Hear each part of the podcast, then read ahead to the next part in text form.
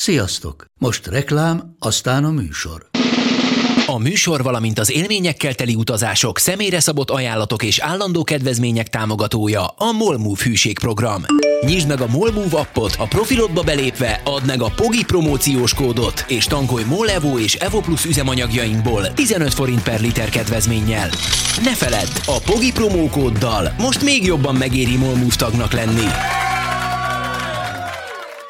Vége a reklámnak, jön a műsor.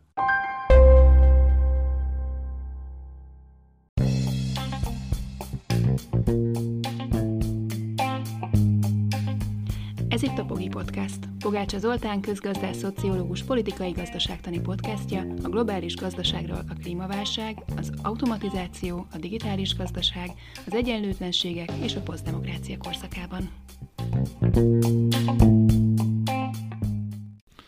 Magyarországon 2020-ban jelentős infláció volt, már elszoktunk az inflációtól, a megelőző években alig volt, de itt most érzékelhetően volt, és főleg az élelmiszerek területén. Egyes élelmiszerek akár 20%-kal is drágulhattak, nagyon sokan panaszkodtak, akik a boltokba jártak pont a Covid idején, amikor egy csomó ember elvesztette az állását, vagy jelentősen kevesebbet fizetnek neki, mint korábban, drágultak az élelmiszerek. Egyesek szerint ez az euróforint árfolyamnak köszönhető, de mások szerint, ha megnézzük az adatokat, akkor nemzetközileg is élelmiszer árdrágulás volt, Európában is, de világszerte is. Mi az igazság e, élelmiszerinfláció ügyben? Szupán Gergelyel, a Takarékbank elemzőjével, vezető elemzőjével beszélgettem erről a kérdésről.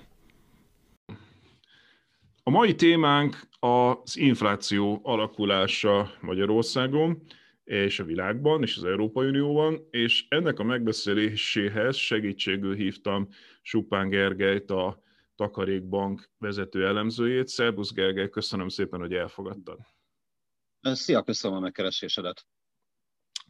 Uh, ugye uh, sok mindent lehetne mondani rólad, relatíve ismert vagy a média elemzéseidről is, de van valami, amit talán nem mindenki tud, csak a szakmában tudják, a szélesebb közvélemény nem biztos, hogy te folyamatosan megszoktad nyerni az MNB Reutersnek a GDP előrejelző, infláció előrejelző versenyét, én sem tudom pontosan, hogy ez micsoda, csak látom mindig, hogy te nyered meg, de a hallgatók valószínűleg még kevésbé. Úgyhogy először azt kérném, hogy, eh, hogy mesélj egy kicsit erről, hogy mi ez pontosan ez a verseny, vagy ez egy verseny egyáltalán, vagy több.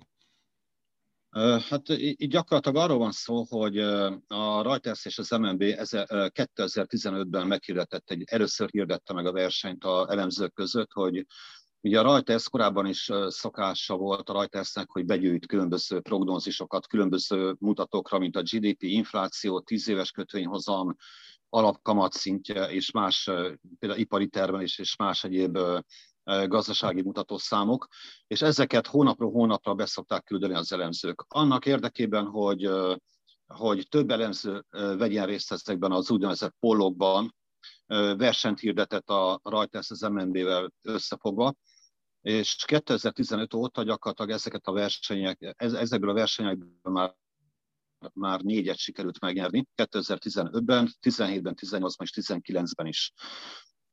Ezek gyakorlatilag ugye hónapról hónapra érkeznek be ezek a elemzői előrejelzések, így gyakorlatilag 12 hónap alatt értékelik ki a Reuters és az MNB szakértői, hogy kik, kiknek a prognózisa állt a legközelebb a, a, a végső, a, tehát a végeredményhez. Ez gyakorlatilag azért jó, hogy 12 hónapon keresztül gyűjtek az adatokat, hiszen 12 hónappal előre jelezni még a, egy adott évnek a, a különböző mutató számának az alakulását viszonylag elég nehéz, tehát messziről indulnak az előrejelzések. Ugye a legvégén már nyilván sokkal pontosabb lesz az előrejelzés, ahogy az év vége felé közeledünk, de itt minden hónap számít.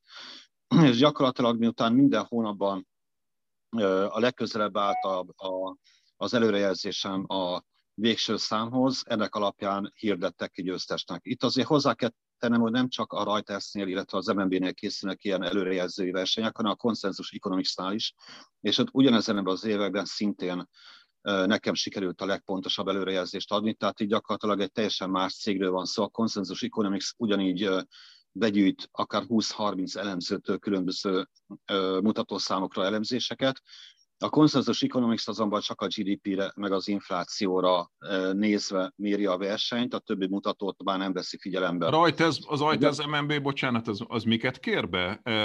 GDP, infláció és? GDP, infláció, 10 éves kötvényhozzam, alapkamat, ipari termelés. Hú, hú ez rengeteg. Hát gyakorlatilag 9 mutatószámot kérnek be, tehát például folyófizetési mérlegre kérnek adatot, Ezeknek viszont a súlya kisebb, tehát a legnagyobb súlya egyértelműen a GDP-nek, meg az inflációnak van. Aha. És amikor a sajtóban megjelenik, hogy a piaci konszenzus, akkor ez ez szokott lenni?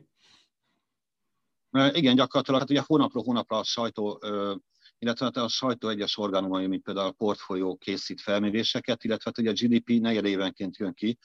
Így éppen a 16-án, február 16-án megjelenő GDP adatra Február 15-én tette közzé a portfólió a, a felmérést, hát gyakorlatilag oda is, tehát oda is ugyanazokat a számokat adjuk meg, mint amit más helyekre, de gyakorlatilag ott látszik is, hogy ki milyen előrejelzést adott be. Tehát gyakorlatilag 16-án kiderül, hogy, hogy a, például a negyedik negyed évre, illetve a tavalyi egész évre ki milyen prognózisokat adott be, és akkor már értékelhető a tavalyi év előrejelzéseknek a pontossága. Aha, tehát akkor egyrészt hát egyrészt gratulálok, hogy ezeket folyamatosan megnyered, és hát másrészt ugye akkor ez tulajdonképpen legitimálja azt, hogy miért veled beszélgetek én erről, hiszen talán te vagy ma ebbe az országba az, aki a legjobban el szokta találni ezeket a mutatókat. Úgyhogy itt van egy dilemma. A dilemma pedig úgy hangzik, hogy ja, abban elég konszenzus van, hogy az infláció relatíve alacsony maradt Magyarországon, Amiről nagy a vita, az az, hogy ezen belül az árak, az élelmiszer áraknak az emelkedése sokkal magasabb volt. Úgyhogy erről kellene egy kicsit beszélgessünk. Először is azt kérdezném meg, hogy neked mik az adataid, mekkora volt 2020-ban az általános infláció, és mekkora volt ezen belül Magyarországon az élelmiszer áraknak az emelkedése? Hát a KSH már tette a tavalyi éves teljes mutatószámokat, hát gyakorlatilag a tavalyi éves átlagos infláció az 3,3 százalék volt, de ezen belül a élelmiszerek inflációja 7,2 százalékos volt, tehát sokkal magasabb volt, több mint duplája volt az élelmiszeráraknak a emelkedése, mint a teljes inflációi. Most azt ne vitassuk meg, hogy ez a 3,3-as általános infláció magas vagy alacsony, mert ez megint nagyon messzire vinne, hogy mit tartunk magasnak és alacsonynak, ez egy külön beszélgetés témája lenne, de hogy abban konszenzus van, hogy az élelmiszerárak növekedése az magas volt. E, és abban nincsen konszenzus, hogy mitől. Egy eléggé elterjedt nézet e, szerint itt az euró-forint árfolyamnak van e, jelentős szerepe, tehát nagyon sokan azt gondolják, hogy ugye egyrészt Magyarországon nagyon sok élelmiszert importálunk, és ezeknek ment föl az ára a forint gyengülésével, másrészt pedig ugye azt szokták még mondani, hogy amit Magyarországon állítunk elő, ahhoz is kell egy csomó import, és, és emiatt azok is mennek fölfelé. Tehát az első dolog, amit megkérdeznék, hogy hát egyrészt mit gondolsz tehát hogy tudjuk-e azt, hogy a, a hazai előállítású élelmiszerek vagy az import élelmiszerek ára mente jobban fel?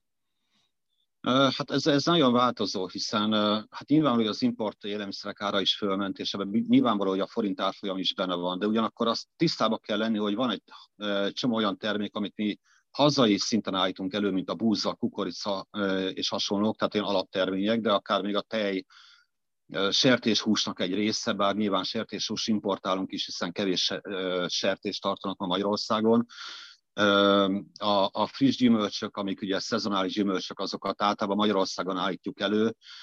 Ennek aztán köze semmilyen köze nincsen például ahhoz, hogy a forint árfolyam hogyan alakul. Majd erre rátérünk részletesebben, de például a cukorára is részben import, részben hazai, a csokoládé az nyilván, tehát kakaóár az nyilván, nyilván importár, de az éppen csökkent is annak az ára. Tehát, tehát ugye azért vegyesség, a élelmiszereknek a túlnyomó többségét úgy lehet mondani, talán 60-70, esetleg 75 százaléka az hazai előállítású. Tehát nyilván persze narancsot nem állítunk elő ide-haza, de tehát vannak olyan gyümölcsök, meg, meg, meg exotikus élelmiszerek, amiket külföldről hozunk be, vagy, vagy olyan élelmiszerek, amiket nem itthon állítanak elő.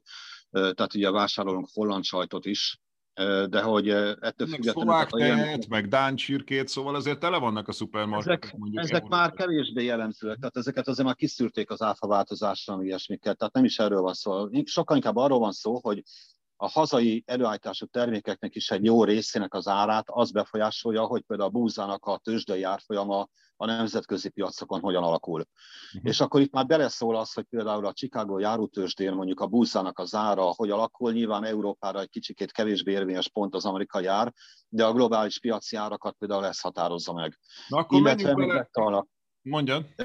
Tehát, és akkor innen már látszik az, hogy ha például dollárban meghatároznak egy, egy egy élelmiszer vagy egy termének az árát, akkor már ott releváns az is, hogy a forint dollár árfolyam hogyan alakul, viszont még beleszámítanak olyan helyi tényezők is, hogy éppen milyen volt a kukoricatermés, a búzatermés, elverte-e a jég, vagy nem, vagy volt-e asszály, vagy nem volt asszály, tehát olyan időjárási környezeti tényezők is beleszámítanak, vagy belefolynak, amiknek semmilyen köze nincsen például a devizárfolyamok mozgásához. Na, de mindjárt belemegyünk ebbe akkor a világ folyamatokba, csak én azt szeretném itt közbevetni, hogy eleve úgy jutott eszembe, hogy veled akarok erről beszélgetni, hogy én a Pogi blogon kitettem egy ábrát, amit az átlátszó készített, és ott össze van hasonlítva a magyar élelmiszerár változás, az európai unióssal és a világgal, és az átlátszó adatai szerint, akik egyébként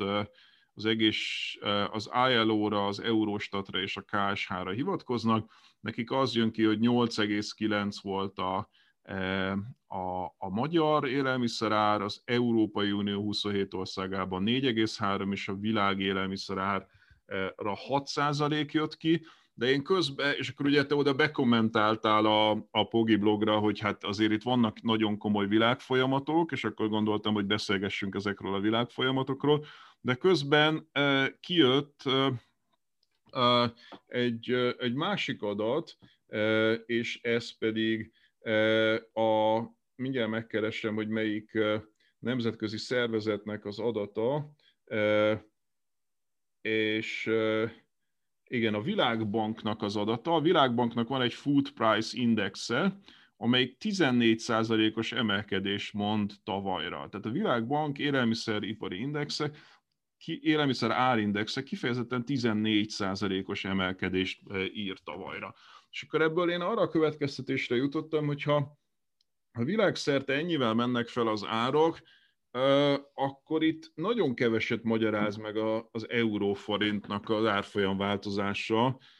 Ehhez képest még alacsony is a magyar élelmiszerár. Nyilván akinek ezt ki kell fizetnie, annak nagyon rossz, tehát nyilván aki, akinek csökkent a bére, vagy elbocsátották a Covid miatt, és közben még ráadásul fölfelé is mennek az élelmiszerárak, aznak nyilván nagyon rossz, tehát nem lebecsülni akarom ennek a a szorító hatását az életszínvonalra, csak azt mondom, hogy a nemzetközi emelkedés akár még sokkal magasabb is, mint a magyar. Miért van ez? Hát elő, először is itt jelentős különbséget kell tenni a különböző árindexek között. Tehát amit a nemzetközi, amit, amit említette, ez a nemzetközi árindex, az a tőzsdei termékekre vonatkozik. Tehát tőzsdén kereskednek búzával, kukoricával, marhahússal, sertéshússal, tehát ott is kifejezetten a hasított vagy félhasított sertéshús, tehát ilyen nyersanyagokkal, a nyersanyagoknak az árait tartalmazza, de például nem tartalmazza már a helyére, helyére készült péksütemények árát, vagy a, a feldolgozott húsárakat, miközben a hazai, illetve más inflációban mért élelmiszerárindexekben ezek is beleszámítanak. Tehát, hogy például a feldolgozott húsárak, a különböző feldolgozott élelmiszerárak, tésztaárak, ami ugye nem tőzsdei árfolyam, cukorárak, vagy helyett, hát a cukor az pont benne is van a nemzetközi árakban, de, de, de számot, számos olyan termék nincsen benne, ami, ami, ami, ami tehát például csak a gyümölcsökre nézve, a, a, a gyümölcslé az benne van egy ilyen termény, tehát ilyen nemzetközi terményárban, mert a narancslével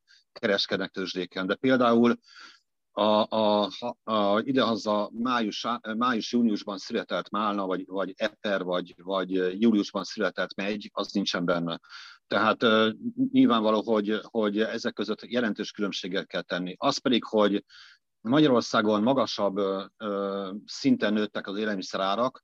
Itt azért 8,9% már lecsitult egészen, tehát ugye most januárban már kijött a legfrissebb KSH adat, és és januárban már csupán 3,9%-ra szelidült a élelmiszeráraknak az év per év alapú növekedése, tehát némileg fékeződött, tehát már nem 8% fölött drágul.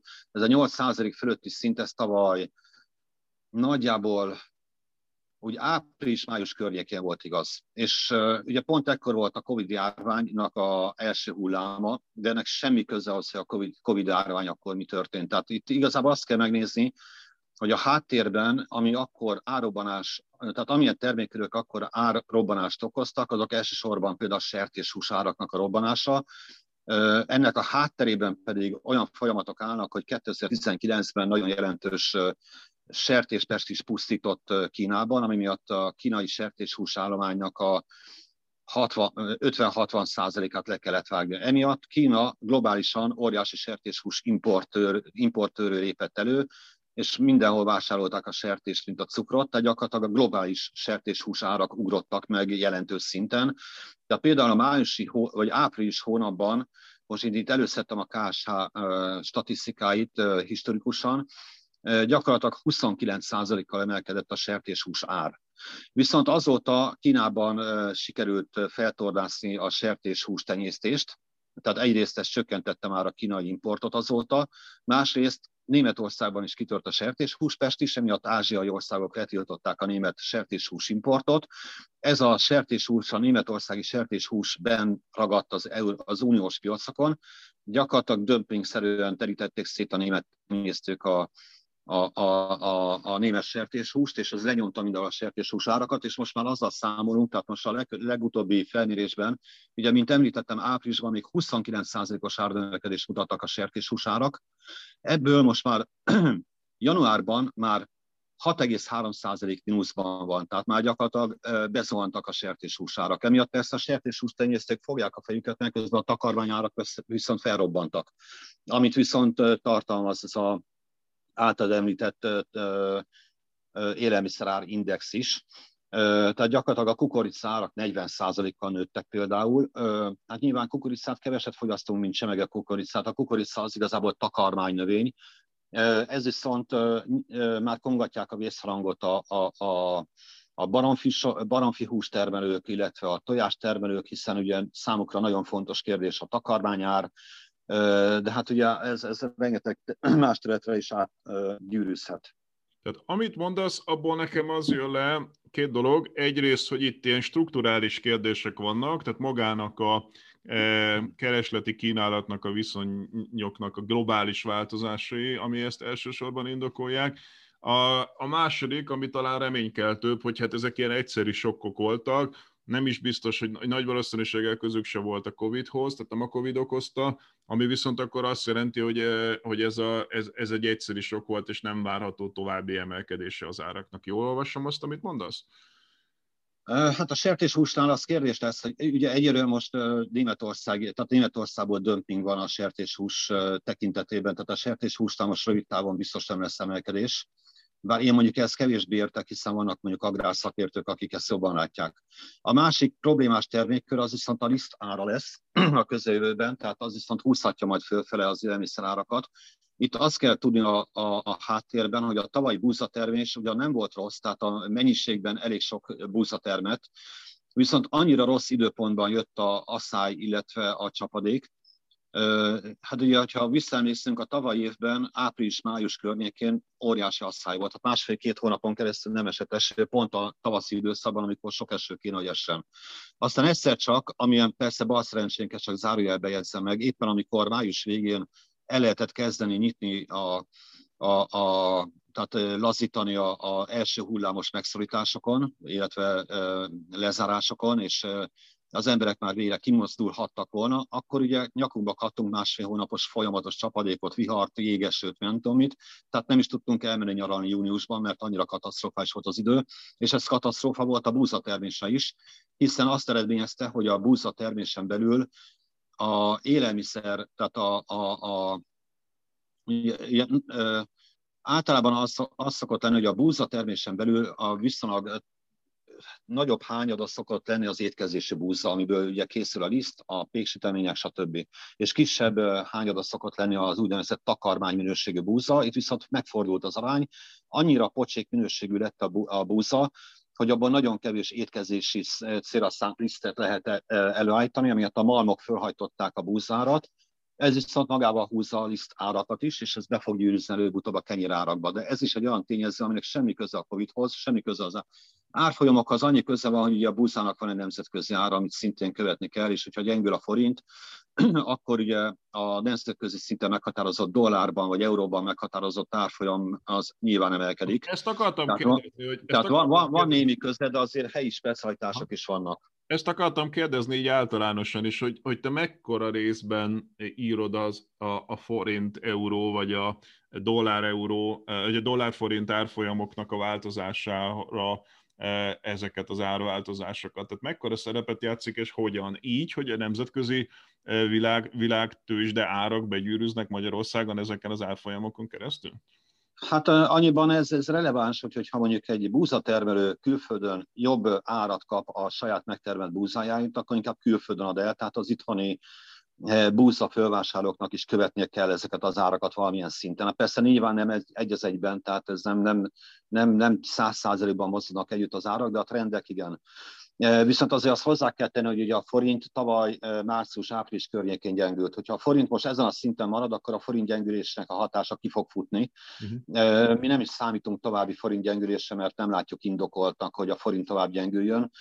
Tehát, eddig hogyha, indokoltnak hogyha... láttátok? Bocsánat, hogyha így fogalmazol, hogy, hogy nem látjuk indokoltnak? Tehát az eddigi gyengülés, azt indokoltnak? Korábbi, korábban sem láttuk indokoltnak ezt a jelentős forint gyengülést, de ugye tavaly kitört a Covid pánik, és hát ugye a, a sérülékenyebb régiós devizákat szintén adták, tehát a forint végül is tavaly, amikor kitört a Covid, akkor együtt gyengült az zotyival, tehát igazából nem lógtunk ki a trendből, azt megelőző években persze alul teljesített, tehát az gyengében teljesített a forint, de igazából nem olyan szinten, hogy, hogy ez, e, e, e, tehát, tehát hogy is mondjam, tehát, tehát visszatérve arra, ami, amire mi számítunk, hogy a forint árfolyam ugye tavaly ápri, március-áprilisban gyengült, és áprilisban érte el a történelmi mélypontot.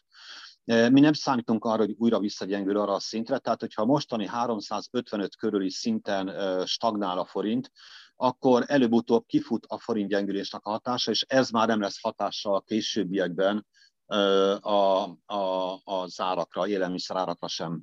Aha, köszönöm. És akkor, akkor még, még egy fontos tényezőt meg kell említeni, tehát ugye említettük az időjárási tényezőket, amik nagyon fontosak, és most itt képbe lép egy másik terület is, az a gyümölcsáraknak a, a, a, a helyzete. Ugye látható volt, hogy tavalyi évben nagyon-nagyon elszálltak a gyümölcsárak, Mégpedig igazából az látszik, hogy ha megnézzük a friss hazai és déli gyümölcs áraknak az alakulását, hát már az év elején se volt kicsi az ármozgás, de például júniusban már 40%-os áremelkedés volt a gyümölcsáraknál, júliusban pedig majdnem 45, sőt, augusztusban 46%-kal drágultak a gyümölcsök. Ennek ez a hátterében meg a... Gergő, ez brutális. Brutális, de ennek a hátterében meg az áll, hogy, hogy annyira, tehát ugye ahogy említettem, hogy tavasszal abszolút ö, ö, asszály volt, aztán májusban jöttek a talajmenti fagyok, emiatt ö, elfagytak azok a gyümölcsök, amiknek meg kellett volna trennie, és például ö, egyes gyümölcsökben, mint a kajszi barack, őszi barack, tehát a különböző barackok, csonthias gyümölcsök, illetve megy, cseresznye, ilyen 70-80 százalékos termény kiesés volt. Tehát olyan mértékben megzuhant a magyarországi gyümölcs termelés, hogy gyakorlatilag ez verte fel az árakat. Itt semmi köze nincs se a Covid-hoz, se a, a, a forint árfolyamhoz, ráadásul ugye ezeket a gyümölcsöket nem is mérik nemzetközi szinten, nemzetközi árfolyamokban. Tehát gyakorlatilag az történt, hogy, hogy, hogy annyira megszűnt a gyümölcs kínálat, amiatt a termés kiesés miatt, hogy ez gyakorlatilag áróbanást idézett elő. Ez most már elkezdett csitulni, hiszen ahogy mondtam, hogy ugye a csúszponton augusztusban 46 plusz, ö, növekedést mutattak a gyümölcsárak, de például decemberben már csak 22 os volt az árnövekedés. Tehát itt is van egy ármérséklődés, hát persze még ez is brutális, sőt, a januári legfrissebb szám az már csak 17%-os drágulást okoz, vagy mutat. Tehát itt is nyilván lesznek bázis hatások, amik ugye kiesnek, pláne, hogyha idén adja Isten, hogy jó lesz a gyümölcstermelés, akkor idén akár meredeken bezuhanhatnak a gyümölcsárak tavalyhoz képest. Uh-huh. Hát Tehát itt főleg, főleg időjárási tényezők vannak ennek a hátterében. Az utolsó kérdésem, aztán nem is tartalak fent tovább, hogy uh, hogy a Covid-nak hogy nem volt erre hatása? Tehát ugye azt gondolná az ember, hogy itt mindenfajta termelési láncok, logisztikai láncok megszakadnak, sokkal nehezebb eljutatni terményeket is, meg az, a, a, az agrárszektornak az inputjait is. Hogy lehetséges az, hogy a Covid-nak nem volt erre hatása? Hát itt, itt több dolog van, ugye a élelmiszer szektorban kevésbé volt hatás, ugye azt, azt tudjuk, hogy a járványgyártásra katasztrofális hatása volt, hogy leállt a logisztika, leállt, leálltak a beszállítói láncok. Ugye az élelmiszernél nincs ennyire ez így, hiszen a búzát, ugye a búzát azt ugye mi termeljük, sőt mi visszük exportra. Azt tudni kell, hogy, a, hogy általában a búza kivitel az nem kamionok történik, tehát nem közúton történik, hanem inkább vasúton, sőt leginkább vízi úton történik a kivitel, főleg Dunán keresztül. Itt igazából 19-ben volt egy katasztrofális hatás, amikor jelentősen visszaesett a búza exportunk, annak hatására, hogy akkor olyan mértékű, olyan alacsony volt a Duna vízállása, hogy, hogy egyszer nem lehetett elszállítani a kikötőkből, a Dunamenti kikötőkből ö, ö, hajókra nem lehetett átpakolni a búzát, és akkor át kellett állni vasútra. De ezt a vasúton is rengeteget viszünk, tehát például Olaszországban vasúton keresztül szállítunk rengeteg búzát. Na jó, de például uh, tejet, tejet, amennyire tudom, az például ilyen speciális te, teherautószerűségekkel szállítjuk. Hát igen, ott, ott viszont kevésbé jellemző a export-import. Hát persze ott is jellemző az export-import, de amit idehaza termelünk, azt idehaza is tudjuk fogyasztani.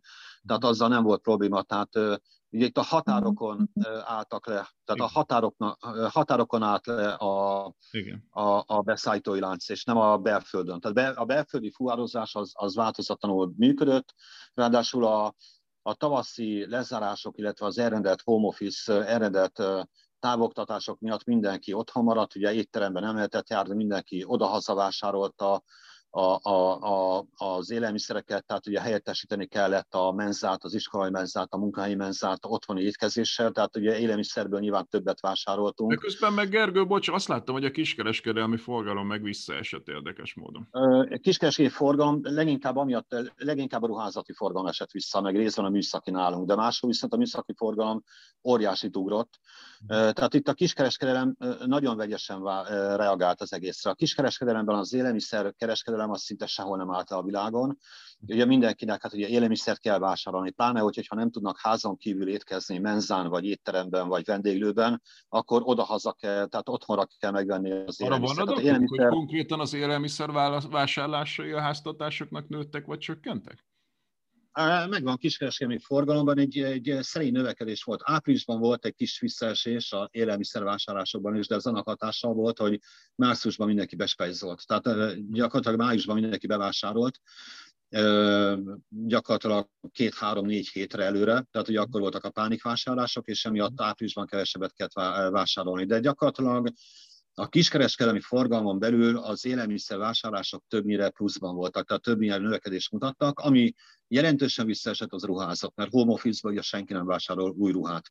Mm. Tehát a ruházat nagyon visszaesett, a műszaki cikkek meg attól függ, hogy melyik országban vagyunk. Ugye azt lehet tudni, hogy például mostanában le kell állni a egy-két autógyárnak, hiszen csiphiány van. Itt ennek a hátterében az van, hogy mivel az emberek nem tudnak szórakozni járni, moziba járni, meg egyebek, tehát, tehát gyakorlatilag otthon, otthoni, otthonra vannak kényszerítve, tehát kiárási, esti kiárási tilalom van a legtöbb országban. Emiatt óriásira ugrott például a játékkonzol vásárlás. Tehát a játék, mindenki úgy vesz a játékkonzolokat, mint a cukrot, hogy akkor otthon játszon. Aztán gyakorlatilag ez felszívta a csipeket, tehát a chip piacot, és a chip hiány miatt kellett leállni a egyes autógyáraknak, Hát remélhetőleg ezt egy pár hónapon belül megoldják, de ez már megint egy másik kérdés, az messze vezet az élelmiszer szektortól. Tehát a kiskereskedelem nagyon-nagyon vegyesen teljesített. Vannak szektorok, amelyek jól teljesítettek, valahol katasztrofális visszaesés van, a nyertes a kiskereskedelmnek egyértelműen a házhoz szállítás, tehát az egyértelmű, hogy például az Amazon és a hasonló cégek hatalmasat nyertek rajta, tehát nagyon vegyes a kiskereskedelem, de vásárolni kell, tehát ilyen nem akarunk halni. Uh-huh, világos. Jó, hát akkor eljutottunk a chipstől a chipekig. Én nagyon szépen köszönöm, hogy rendelkezésre álltál, és adtál egy fél órát az idődből, hogy ezt a témát átbeszéljük. Nagyon sok mindenkit érdekel ez a kérdés, nyilván nagyon nagy viták övezik azt, és hát természetesen az emberek nagyon rosszul fogadták azt, hogy pont akkor, amikor egyébként is kockázatossá vált a megélhetésük, akkor hatalmasat ugrottak az élelmiszerárak, úgyhogy szerintem az, amit most mondtál, hogy talán-talán ezek már kivezetődnek, és egyszeriek voltak, és nem biztos, hogy folytatódnak, ez talán egy kicsit megnyugtató lesz talán a hallgatók számára. Neked na, sok sikert kívánok az idei versenyre, majd követni fogjuk, hogy megnyered-e az idei előrejelző versenyeket is, és köszönöm szépen Supán Gergely Takarékbank vezető közgazdásza, hogy, hogy beszélgettél velem. Ja, én köszönöm, hogy megkerestél. Csak egy kis apróság, hogy szuppának ejtem a nevemet, tehát Bocsánat. nem ezt sem elmondom, de semmi probléma. Még, még egy dolgot akartam említeni itt a sertés hús árakkal kapcsolatban, csak még mielőtt itt lezárjuk, hogy Ugye ez a, a, a tavalyi sertéshús árrobbanás, amiről beszéltünk, ami Kínából ered, aztán utána most éppen Németország lenyomja a sertéshús árakat, az ugye elkezdett begyűrűzni a szalámi, kolbás, sonka, párizsi felvágott, meg hasonló árakba, tehát ugye ami sertéshúsból dolgoznak föl, kolbász, szalámi, ezek abból vannak. Ugye azokba is elkezdett begyűrűzni, és például azt láthattuk, hogy például a párizsi felvágott kolbász árak, azok 22%-kal növekedtek április-május környékén, az volt a csúcs, utána elkezdett szépen csillapodni, és most januárban a növekedés az most már csak 6,6% volt. Tehát ugye itt a feldolgozott húsárakban is ez, ez leköveti szép lassan a sertéshúsáraknak az alakulását is, tehát ugye ez is azért egy fontos termékcsoport. Uh-huh. Nagyon köszönöm, hogy ezt meg hozzáadtad, és akkor így lehetőségem van még egyszer elbúcsúzni Szuppán Gergelytől. Köszönöm ja. szépen, Gergely. Én köszönöm, kerestél. Szia, szia. szia.